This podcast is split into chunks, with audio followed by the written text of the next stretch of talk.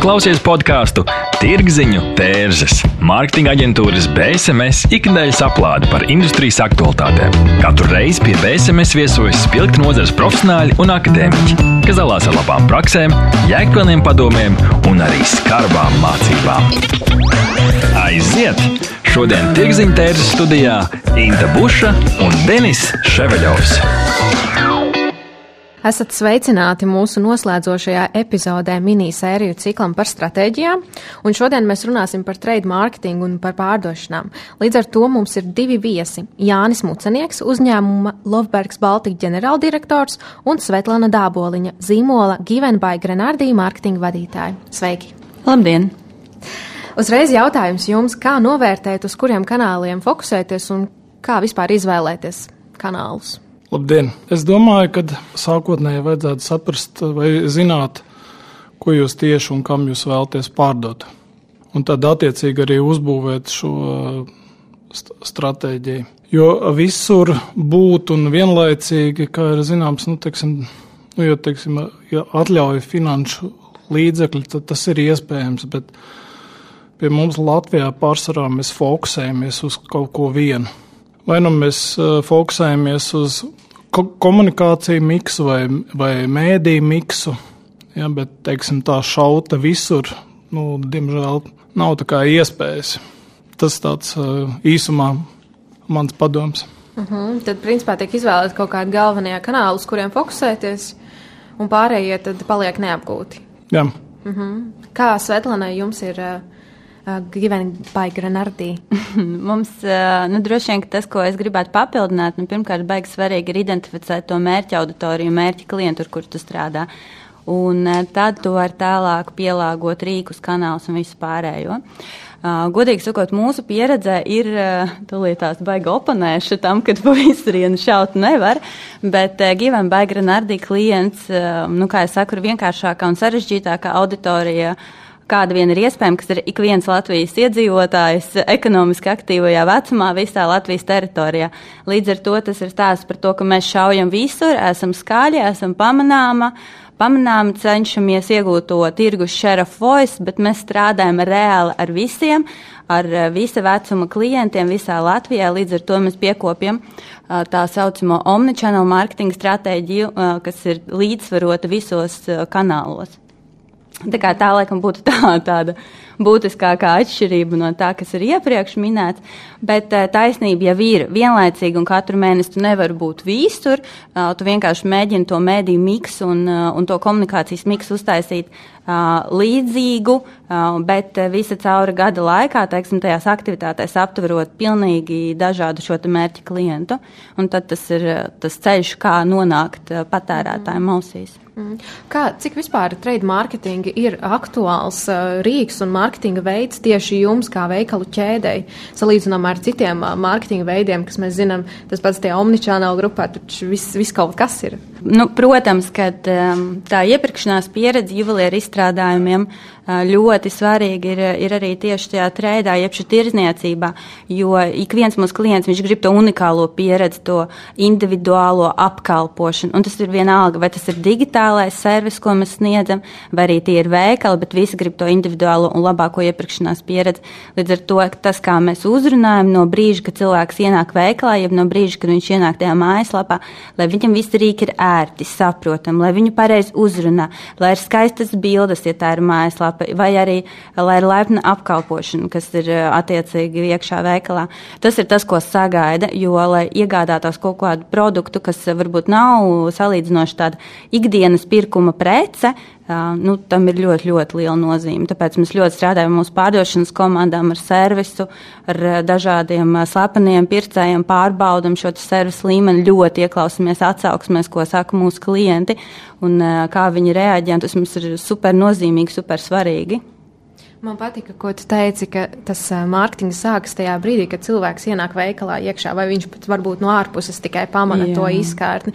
Un es zinu, ka jūs arī diezgan daudz domājat par to interjeru, kā iekārtot vispār to veikalu. Jā, tieši tā, tā pieredze. Tieši tā. Mums ir pārdomāts gan par to dizainu, lai viņš ir funkcionāls, lai viņš ir mājīgs. Mums ir pat tādi elementi, kas ir iegādāti tik vienkāršā veikalā kā IKEA, lai tu jūties tiešām tā kā bezmaz savā viesistabā, kurā tu iejūties super draudzīgi, komfortabli un, un pilnīgi pieejami. Mm. Tas noteikti strādā tajā brīdī, kad ir savs veikals un tu vari radīt to, va, to auru un vaibu. Bet, Jāni, kā ir tajā brīdī, kad jūs esat mazumtirdzniecības ķēdē Rīmī Maksima un kā tur nokomunicēt to zīmolu un parādīt, hei, mēs te esam, mēs esam Lobbergs? Nu, protams, tas nu, es apskaužu to, ko kolēģi izstāstīja. Protams, jā, mēs šo burvību zīmolu arī gribētu uzbūrt, jā, bet jā, mēs darbojamies vai spēlējam tiksim, mūsu sadarbības partneru spēju laukumā, jā, tad līdz ar to ļoti svarīgi ir atrast mums arī kopā kopsaucēju, jā, teiksim, vai mums saskan mērķi, jā, teiksim, ko viņi saskata labu mūsu produktā, ko mums vajadzētu uzlabot, kāda ir mūsu pārdošanas rezultāti, jā, un arī par sortimentu un tā tālāk, jo tas viss ir ļoti, ļoti limitēts. Un tāpēc tas ir arī tāds kopdarbs visu laiku. Un, protams, mēs, mēs rūpējamies jā, par to, lai, lai plauktā mēs būtu vien, vienmēr pieejami, ja mēs strādājam ar ar, teiksim, lai būtu pietiekami atlikumi, jā, lai, pro, lai produkts arī plauktā izskatītos, jā, lai, lai viņš tiktu prezentēts. Tuvu tam, kā ja mums būtu savs veikals vai kafejnīca un tā tālāk. Tāpēc tas, tas ir, teiksim, plaukts ir tas mūsu trade, trade marketings ar, ar šo plauktu. Mēs arī ko, komunicējam ar savu pircēju, principā. Tāpēc tas plaukts ir eh, viss, viss eh, svarīgākais, jo plauktā blakus mums ir arī citi eh, ražotāji, ja, un tāpēc mums vajag strādāt efektīvi un kreatīvi, lai mēs būtu pamanām arī tur tas ir produktu iepakojums un tā tālāk. Jā, man liekas, tāda svarīga nianse tieši FMCG produktiem ir tas, ka ir jāspēlē pēc tiem citu veikalu tīklu nos, spēles noteikumiem. Uh, un uh, kaut kā jāmēģina tā sava stratēģija ar viņiem savienot vienā, vai ne, Jāni? Kādas ir grūtības vai, vai varbūt tieši otrādi iegūmi no tā visa procesa? Un, kā jau es minēju, jā, jā, jāatrod šie kopsaucēji, un uh, neteikšu, ka tas ir viegli, jo šīs, veika, nu, šīs preču kategorijas ir uh, vairākas, un šī vienā preču kategorijā arī vairāk spēlētāji, ja, un, un uh, nu, es teiktu, ka tā panākuma atslēga joprojām ir attiecības. Jā, teiksim, vairāk stāstīt par savu produktu, par, eh, jo nu, visi saka, mēs esam labāki, sāļāki, saldāki jā, un tā, tā, tā tālāk. Jā, bet, nu, ir jāatrod šie kopsaucēji, kur mūsu tās vērtības, kā vienam uzņēmumam, tā otram, kur, kur viņas saskarās, un tad, tad viņas arī izmantot nu, principā, nu, komunikācija. Tas ir uh, ar parastu e-pastu vai telefonu zvanu, to nevar atrisināt. Tā ir visu laiku, nepa, visu laiku patstāvīga komunikācija. Jā, un, un tad uh, atskatīties uz uh, rezultātiem, kādi viņi ir bijuši labi, slikti, ko, ko vajag atkal uzlabot un tā tālāk. Jā, bet tas ir jo, jo, nu, joprojām, lai cik šajā digitālajā lai, laikmetā ja, tas nešķist dīvaini, bet, jā, bet sadarbība, komunikācija tas ir, tas ir pats pats gal, galvenais. Ja mēs runājam par ātrās aprites produktiem, šiem FMCG segmentu un salīdzinājumā kaut vai ar juvelieru izstrādājumiem, tad, protams, arī tās pārdošanas stratēģijas ir krasi atšķirīgas, vai ne? Mēs arī runājam par pilnīgi citām mērķa auditorijām un cilvēkiem, visticamāk, ar dažādiem ienākumiem kā teiksim, strādāt un veidot šo stratēģiju, un kādas varbūt ir tās galvenās atšķirības starp šādiem segmentiem? Nu, jā, un nē, jo, piemēram, nu, manuprāt, tie, kas dzer kafiju, viņi arī var iegādāties rotas un otrādā. Jā, tās mērķa auditorijas kaut kādā ziņā, protams, ir arī tās pašas, bet līdzīgi kā Jānis teica, kad viņš sapņo varbūt par to manu pieeju, tad man šobrīd liekas, ka es sapņoju par to kafijas pieeju, jo kafiju grib dzert tik viens. Nu, nav jau gluži tā, ka tu no rīta pamosties un domā, o, oh, šodien es tiešām gribu atkal iegādāties brīlientu. Līdz ar to tas ir eh, mazliet citādāk. Un eh, man tas stāsts vairāk ir par to, ka arī mūsu pārdošanas stratēģijā mēs mēģinām cilvēkam radīt vajadzību.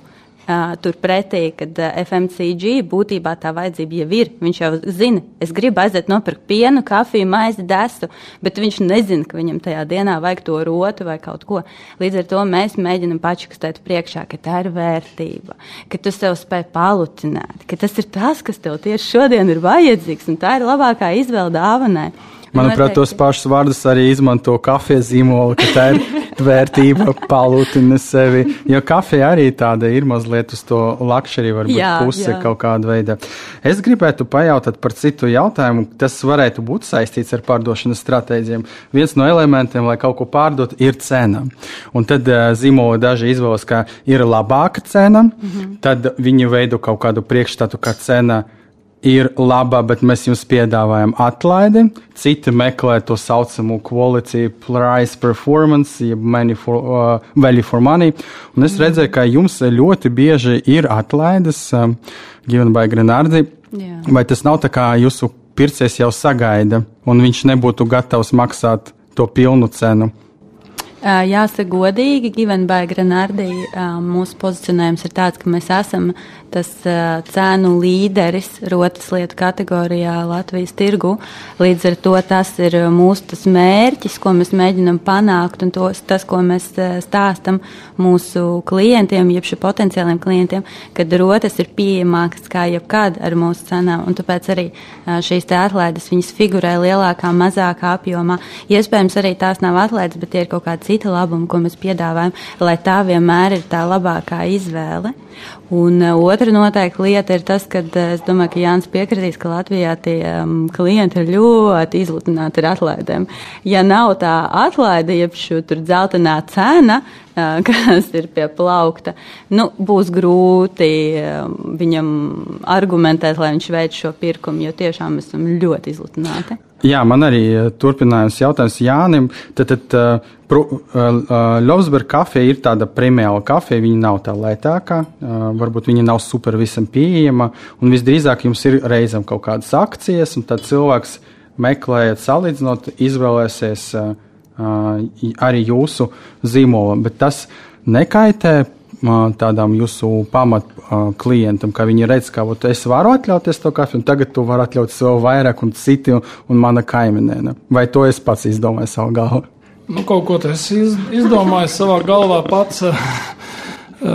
Bet, jā, no, no, nopietni, jā, tas, tas FMCG, tas akciju bums, ja nemaldos, sākās krīzes laikā, kad bija 2008. gadā, ja, tad, uh, tad principā, nu, teiksim, pirms tam uh, regulāro cenu teiksim, pārdošanas bija apmēram 70%, un tad uh, 30% atlikušos deva teiksim, akciju cenas. Un tad akcijas laikā arī to dubultoja un trīskāršoja savu apgrozījumu dotajā brīdī tā situācija ir tāda, ka, principā, ja tev nav akcija, tu vispār nepārdodies. Kāda ir tā proporcija otrādi, tā? Kafija ir viens no tiem produktiem vai produktu kategorijas, kur pārdošanas akcija laikā ir visaugstākās. Tas ir nu, tuvu, es minēju, šeit ir 80-85% tiek pirkti akciju laikā. Wow, wow. Un, jā. jā, un tāpēc arī nu, teiksim, tā pārdot par, par, par šo patieso cenu ir pat vai, vai to cenu, ko mums gribētos, jā, vai citiem gribētos, pat, pat nav iespējams. Un, tāpēc arī jā, tā izskatās visu, visu laiku, visu, visu laiku akcijās, akcijās, akcijās, bet tas ir tāds tā, tirgus situācija, un viņi nemainās. Ir bijuši mēģinājumi teiksim, to pamainīt, bet tu uzreiz sev ied, iedur mugurā do, do, domci un, un, principā, tu, nu, teiksim, saproti, ja, ka nav, ka nav tas efektīvi un, un to, to ļoti grūti mainīt tagad. Un tāpēc, jā, tas tā devalvē mazliet arī to produktu, te, teiksim, kvalitāti, zīmoli, ja, un tā, tā tālāk. Un, uh, par to, par to prīmiju, tieši par Lopbergas kafiju, par prīmiju un tā tālāk. Tas tāds mīts ir, principā, jā. Tas, kad, tas, ka mēs atšķiramies ar, no citām kafijām, jā, bet, teiksim, ka mēs būtu prīmijum segmentā, tas tā nav. Es, teiksim, teiktu, ka prīmijum segmentā ir šās uh, kaut vai vietējā grauzdējuma vai grauzdētāja kafijas, ja tā visi šie single origin un tā tālāk, tad tas ir prīmijums, ja kur ir viena noteikta izcelsmes valsts vai šķirne, teiksim. Jā, bet man atkal interesē uzreiz, ja mēs turpinām par to cenas politiku. Tad skaidrs, ka tas no, no vienas puses tas ir kaut kāds strateģiskais redzējums, kā uzņēmums redz sevi, kā viņi vēl sevi pozicionēt, līdz ar to tas cena ir viens no rīkiem. Uh, No otras puses, ja mēs runājam par to, ka tas patērētājs tiešām ir izlutināts un viņam gribas 85% gadījumā gaidīt, kad būs tā atlaide, un tad es izdarīšu to savu pirkumu. Nu, kādi ir tie iemesli? Vai tas ir psiholoģiski vienkārši, ka mēs esam pieraduši tā darīt, vai tur ir tiešām šie ekonomiskie apsvērumi, ka es nevaru atļauties pilnu cenu, un tad es gaidu, kad ir tas cenu samazinājums. Jo man liekas, ka bieži šie cilvēki, viņi pat cenu tik ļoti neskatās, kā tiešām meklē to dzelteno cenu zīmi, jo liekas, psiholoģiski tas ir lētāk un es kaut ko ietaupīšu. Man eh, liekas, ka šeit Jānis diezgan precīzi īstenībā pateica, ka pat ja tu pats esi izdomājis strateģiski iet prom no šīm zeltainajām zīmītēm, bet tas nenozīmē, ka tev konkurenti un tirgus dara to pašu. Proti, pircējiem vienmēr ir izvēle. Jā, tu vari piedāvāt savu zīmolu stāstu, augstu kvalitāti, iepakot to visu glītā iepakojumā, bet ja tavi konkurenti tajā brīdī piedāvās lielāku atlaidi vai labāku cenu, diezgan tiešām argumentēts būs tas pamatojums, ka pircējs izvēlēsies to cenu pār to kvalitāti. Mm. Bet vai tas nenolisina to, kā pircējiem, principā tas ir, viņš saprot, ka tas ir plus mīnus vienādi produkti, mm. un tad, kad mēs esam veikalā, mēs esam tagad katru dienu mums vajag jāpaņem simts lēmumu, un vēl tagad skatīties, un tad tu domā, ok, mana pasaulē te visa kafija ir vienāds, paņemšu to, kas ir uz akcijas, jo tas ir tas pats lētākais, un tad tu vairs nedomā. Jā. Un tad kā panākt to, ka pārdošanas stratēģijas ir tā, lai tavs zīmols būtu izvēlēts par spīti varbūt eh, citiem lētākiem piedāvājumiem. Tas, un zini, Denis, man liekas, ka jāpieliek klāt, ja mēs runājam sevišķi par ātrās aprits produktiem, nu tur tomēr ir tas mazumtirdzniecības ķēžu faktors, un viņi tomēr ir tie, kas arī motivē un saka, ņemam akcijas cēnu, gribam akcijas kampaņu, vai ne, Jāni, vai tā nav? Par to izvēli, jā, un cenu. Uh, mm, tas nav nekāds noslēpums, kad uh, katram no mums uh, kādā preču kategorijā ir savi, teiksim, šis grosis, ja, teiksim, šie trīs uh, favorīti, teiksim, jā, nezinu, saldumi, jā, vai, vai nezinu, ka kafija mhm. tā pati, jā, un tad, tad, principā, tā izvēle no, notiek tāda, es esmu at, atradis to, kas man patīk, vai man ir piemērots, vai, nezinu, man es dzeru mājās kafiju tādu, vai man ģimene dzer, vai man draugi dzer, jā. Un tad, tad, tad es eju veikalā un tad es uh, ska, uh, skatos šīs uh, cenu zīmes. Un tad, principā, tā izvēle visu laiku notiek starp šiem trīs ražotājiem. Ja, ja tā var teikt, jo piedāvājumā ir teiksim, 13, ja, bet es izvēlējies sev esmu trīs. Ja, tad, tad es visu laiku monitorēju. Ja, oh, mans iemīļotais produkts šodien ir akcijā, un es viņu pērku. Un, nu, Lo, lojalitāte arī ir tāds atsevišķs eh, jautājums, ja, kas arī ļoti zema ir. Ja. Bet man, man ir savs favorītu lo, lokus, no kā es izvēlos. Tas ir principā tāds. Tā lojalitāte ir zema varbūt eh, Latvijā pircējiem, bet, eh, manuprāt, tie lojālie pircēji ir, nu, protams, vispateicīgākie un visforšākā auditorija, ar kur strādāt. Nu, mēs arī zinām, ka ir daudz vieglāk un lētāk noturēt esošu klientu, kā piesaistīt no jauna, pilnīgi jaunu. Nu, šeit ir tas vārds servis. jā, tad, tad es aiz, aiz, aizmirsu pieminēt, ka jā, nu, tad attiecīgi šajā, teiksim, šajā grozā, ja, kur, kurā teiksim, ir šie trīs uh, favorīti, tad arī ir šī zīmola stiprība. Ja. Tur viņas, tur viņas spēlē, varbūt es izvēlos. Uh, Jo nav noslēpums, ka ir arī vienā nedēļā ir uh, se, septiņi akciju piedāvājumi vienā kategorijā. Ja, un tad, ko, ja tad ir tas, ka nu, man tur ir, vai man tur sarkanā krāsa mīļāka, vai, vai brūnā, vai zaļā, ja, vai, vai, vai, vai, vai iepakojums ir šāds vai tāds, ja, tad no tā es izvēlos. Ja, un, protams, pats uh, zīmols ja es asociēju sevi ar šo zīmolu, tad es arī viņu izvēlos.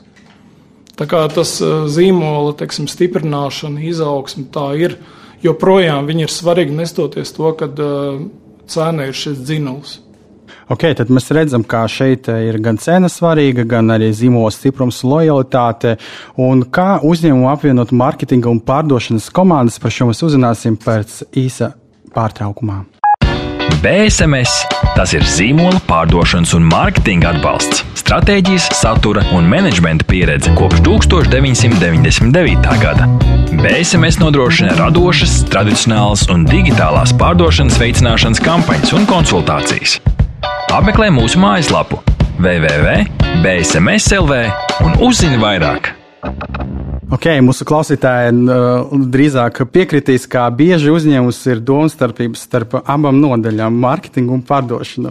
Jo dala budžets, ir dažādi priekšstati par to, kas ir pircējs, kā viņu sasniegt un kā panākt uh, stratēģiju starp dažādām funkcijām, lai to real, uh, realizētu pārdošanas. Padalieties ar saviem novērojumiem, varbūt lifehackiem, kaut kādiem interesantiem gadījumiem. Jo es strādāju arī aģentūras, ar, vienmēr reizēm kalpoju kā kaut kāds mediātors starp sales un marketing, un tu vienmēr mēģini atrast tādu piedāvājumu vai pasniegt tā, lai abas puses būtu apmierinātas. Kaut vai tas īstenībā ir pašu uzņēmumu uzdevums. Tā ir. Nu, šīs nodaļas viņas gan draudzējās, gan ķīvējās, gan mīlējās, nu kaut kā tā savā starpā. Bet man ir jāsaka, ka vismaz Givenbaiga Renardī pieredzē, tad mums ir burvīga sadarbība starp mārketingu un pārdošanas daļām. Un mums ir vienkārši kolosāla pārdošanas vadītāja, kas, kas tiešām miedarbojās. Un šie, laikam, būtu tie atsāks vārdi - komunikācija un sadarbība.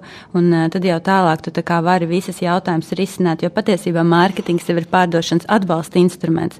Līdz ar to tev arī tā ir jāiet šajā stratēģijā, ka tu atbalsti tirzniecību. Tu viņai neko neuzspied, bet tas tas atbalstošais mehānisms. Savukārt tirzniecībai ir jābūt tai, kura uh, pasaka, kādas ir vajadzības, jā, kas definē, uz kurien mēs ejam, kādi ir mērķi, kādi ir rādītāji, kurus mēs cenšamies sasniegt. Un tad uh, ar šo komunikācijas līdzdalību jūs varat diezgan daudz ko un tālu sasniegt. Bet tīri praktiski, ko tu ieteiktu mūsu klausītājiem darīt, vai kā rīkoties, varbūt kādas sistēmas ieviest, lai būtu šī miedarbība? Jo es zinu, ka jums ir sava iekšējā tirzniecības pārdošanas sistēma, kur jūs redzat tos rezultātus, vai arī mārketings skatās šo un analizē, vai kā notiek tīri praktiski tie procesi. Jā, protams, godīgi sakot, noteikti viens no tiem atsākas vārdiem tas, kad ir jātur roku uz pulsa, un arī mārketingam jāiesaistās staigт uz un daily basis priekš šiem tirzniecības rādītājiem rādītājiem, jo tikai tādā veidā tu vari laicīgi reaģēt uz kaut kādiem, uz tirgus svārstībām, uz kaut kādām nesezonām vēl kaut kur. Un, eh, un arī tirzniecībai tad šajās situācijās būtu nu, jābūt tiem, kas eh, dod feedbacku.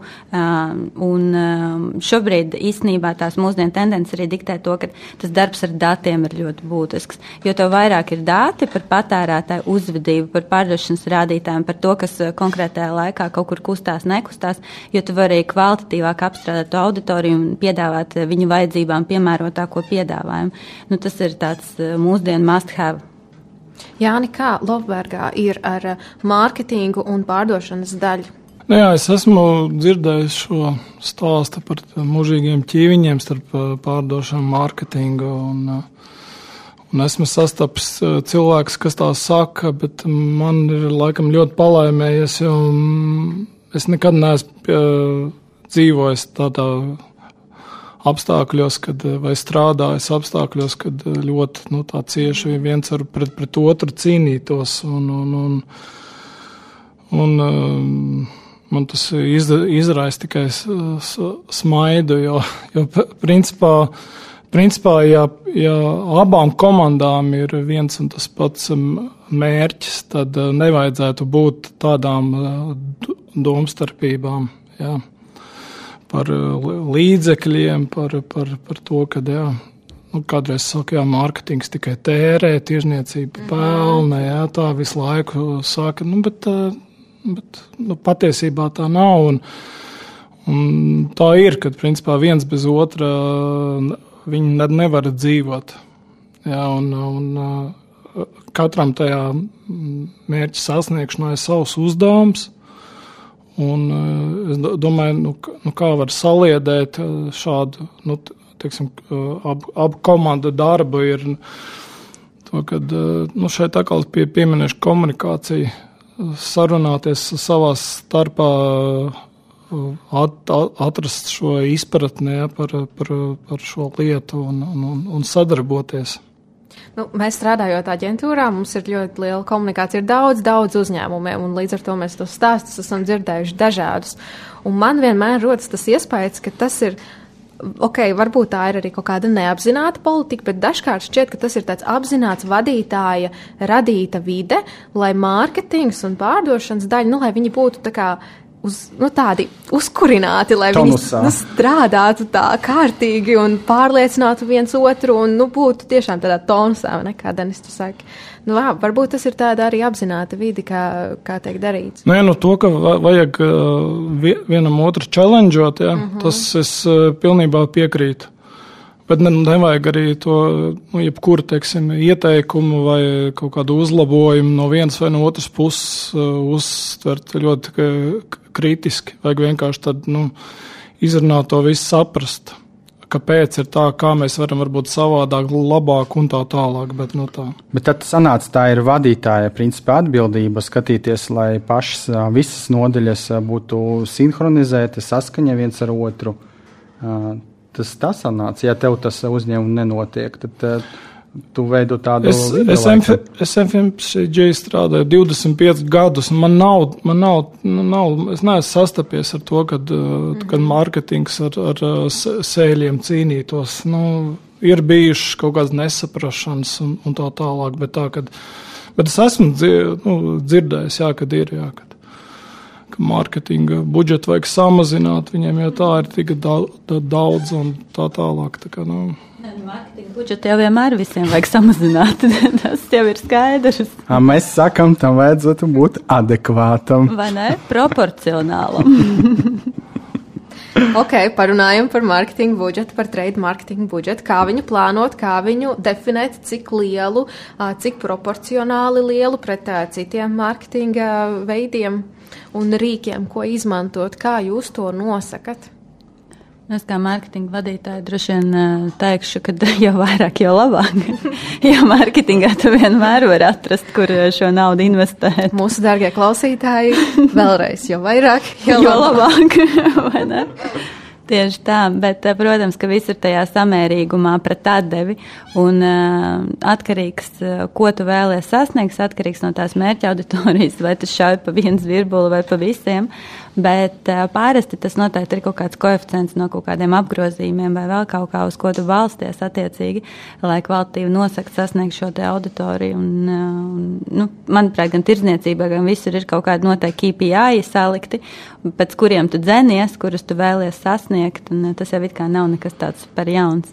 Piekrītu, principā, jā, tas ir kāds procents no apgrozījuma, jā, un tad, protams, tu domā, uz ko fokusēties, vai, vai tas ir ATLs vai BTLs, ja, kādas ir tās, kas tur sanāk beigās. Ja. No. Tieši tā, vai tā ir pārdošana, vai tas ir imidžs, jo jāstrādā uz gan, gan. Un, protams, vienmēr tas mūžīgais jautājums, ka pārdošanas eh, komanda vēlās, ka mēs strādājam tikai uz pārdošanu, aiziet, tirgojam, tirgojam, bet nevienmēr tas ir tas uh, success story.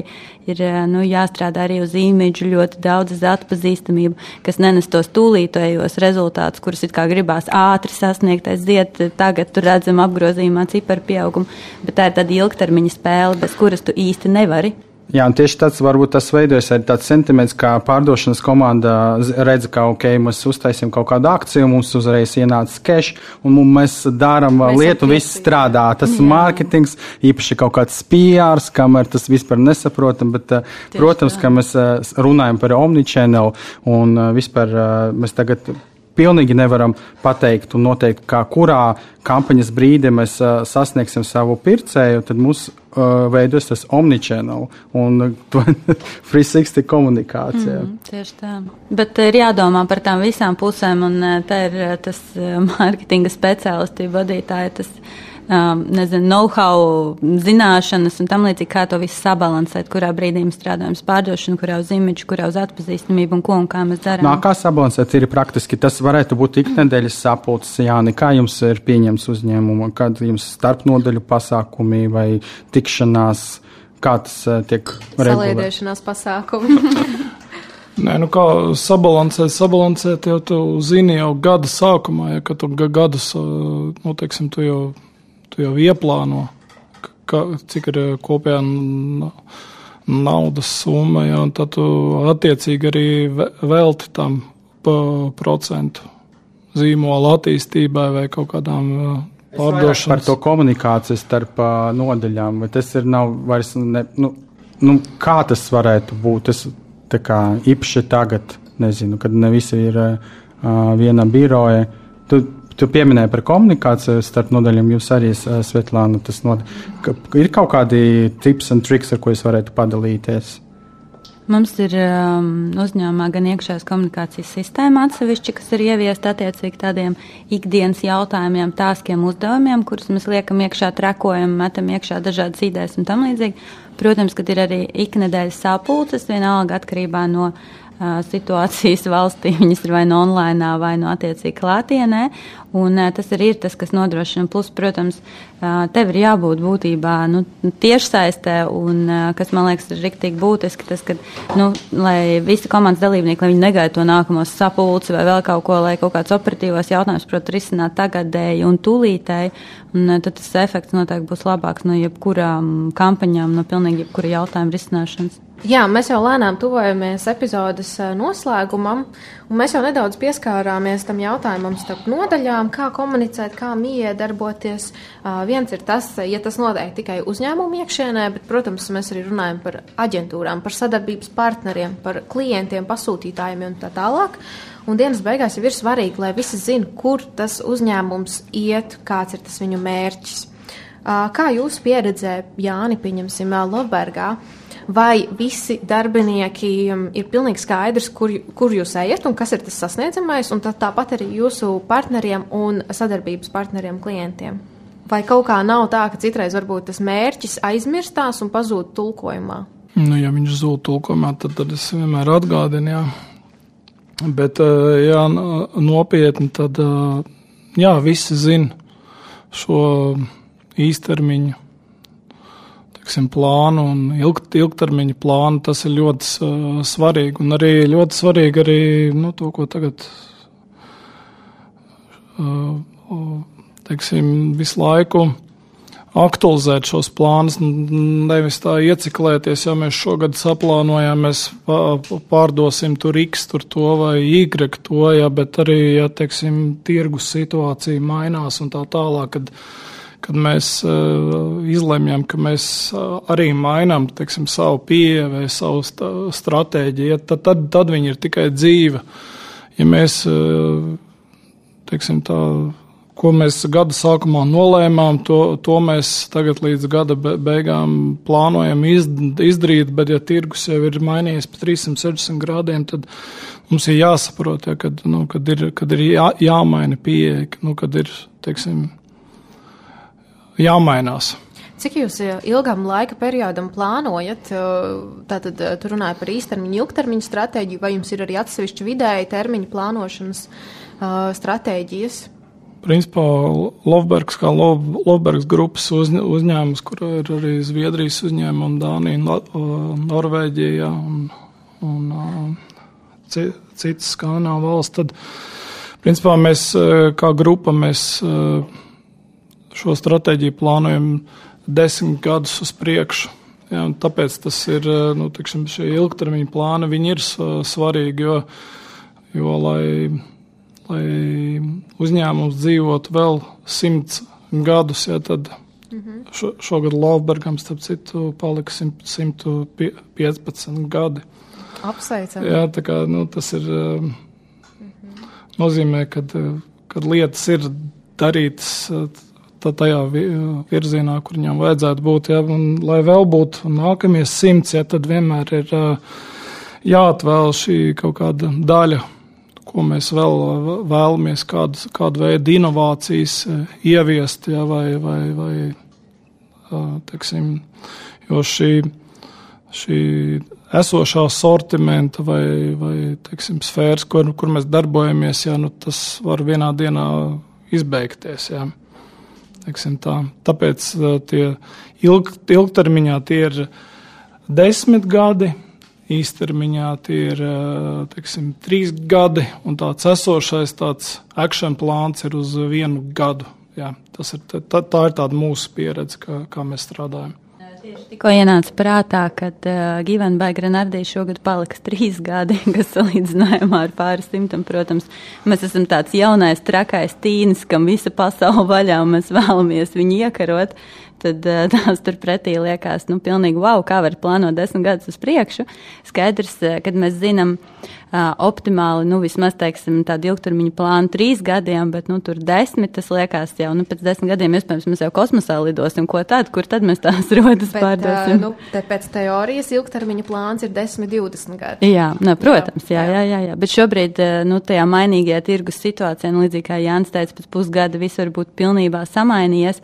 Skaidrs, ka tev ir jābūt jābūt tai zīmola vīzijai, kur tu vēlies nonākt pēc šiem desmit gadiem. Bet eh, nu, tādi plāni fiziski uz papīra, PowerPointā un Excelī salikti, trīs gadus plāns šobrīd tas jau ir vienkārši fantastiski labi, ja uzņēmums eh, spēja definēt. Un noslēgumā ir jautājums, ko mēs jautājam pilnīgi visiem mūsu šī minisēriju cikla dalībniekiem. Un jautājums ir sekojošs. Vai Latvijā uzņēmumi zina, kur viņi vēlas būt pēc pieciem gadiem? Kā jūsuprāt ir šī situācija Latvijā? Es domāju, ka noteikti zinu. Es uh, domāju, ka uh, nu, es ne, nezinu, kā, kā, kā te, teiksim, var bez tā dzīvot. Ja tā vienā vārdā, un tas ir, uh, nu, vai lielāks vai teiksim, mazāks, eh, vai starptautisks vai vietējais uzņēmums, bet eh, noteikti es domāju, ka ir varbūt tās kāds to sauc mazliet savādākos vārdos, bet eh, teiksim, plāni, kā attīstīties un kā, kā teiksim, rīkoties un aktivizēt savus produktus, jeb, jeb, jebkur tas ir noteikti ir. Es atbildēju, jā. Es piekritīšu noteikti, jo trīs gada ambīcija noteikti katram uzņēmumam ir un ir vīzija un ir vismaz tā vēlēšanās kaut ko darīt vismaz vēl trīs gadus, un tad jau redzēs. Paldies mūsu viesiem. Ar mums šodien kopā bija Jānis Mucenieks, uzņēmuma Lobergs Baltika ģenerāldirektors un Svetlana Dāboliņa, zīmola Given by Grenardī mārketinga vadītāju. Ar šo epizodi mēs noslēdzam piecu sēriju mini ciklu par stratēģijām, un šajās piecās epizodēs mēs esam runājuši par stratēģijām no veselām piecām perspektīvām, proti mārketinga, digitālā mārketinga, sociālo mēdīju, PR un trade mārketinga. Galvenie secinājumi mūsu klientu un klausītāji ir, ka viss sākas no datiem un analīzes.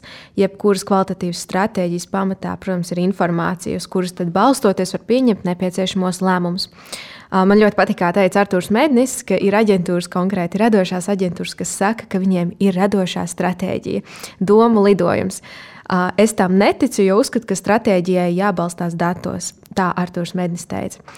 Un, uh, es personīgi varu piekrist, un uh, arī Denis Ševaļovs, uh, mēs uh, domājam līdzīgi.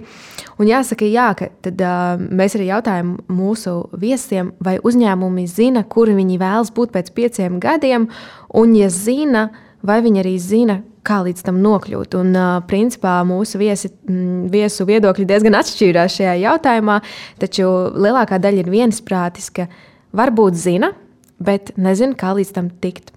Nejauksim taktikas ar stratēģijām, plānosim ilgtermiņā un plānosim datos uh, balstīti.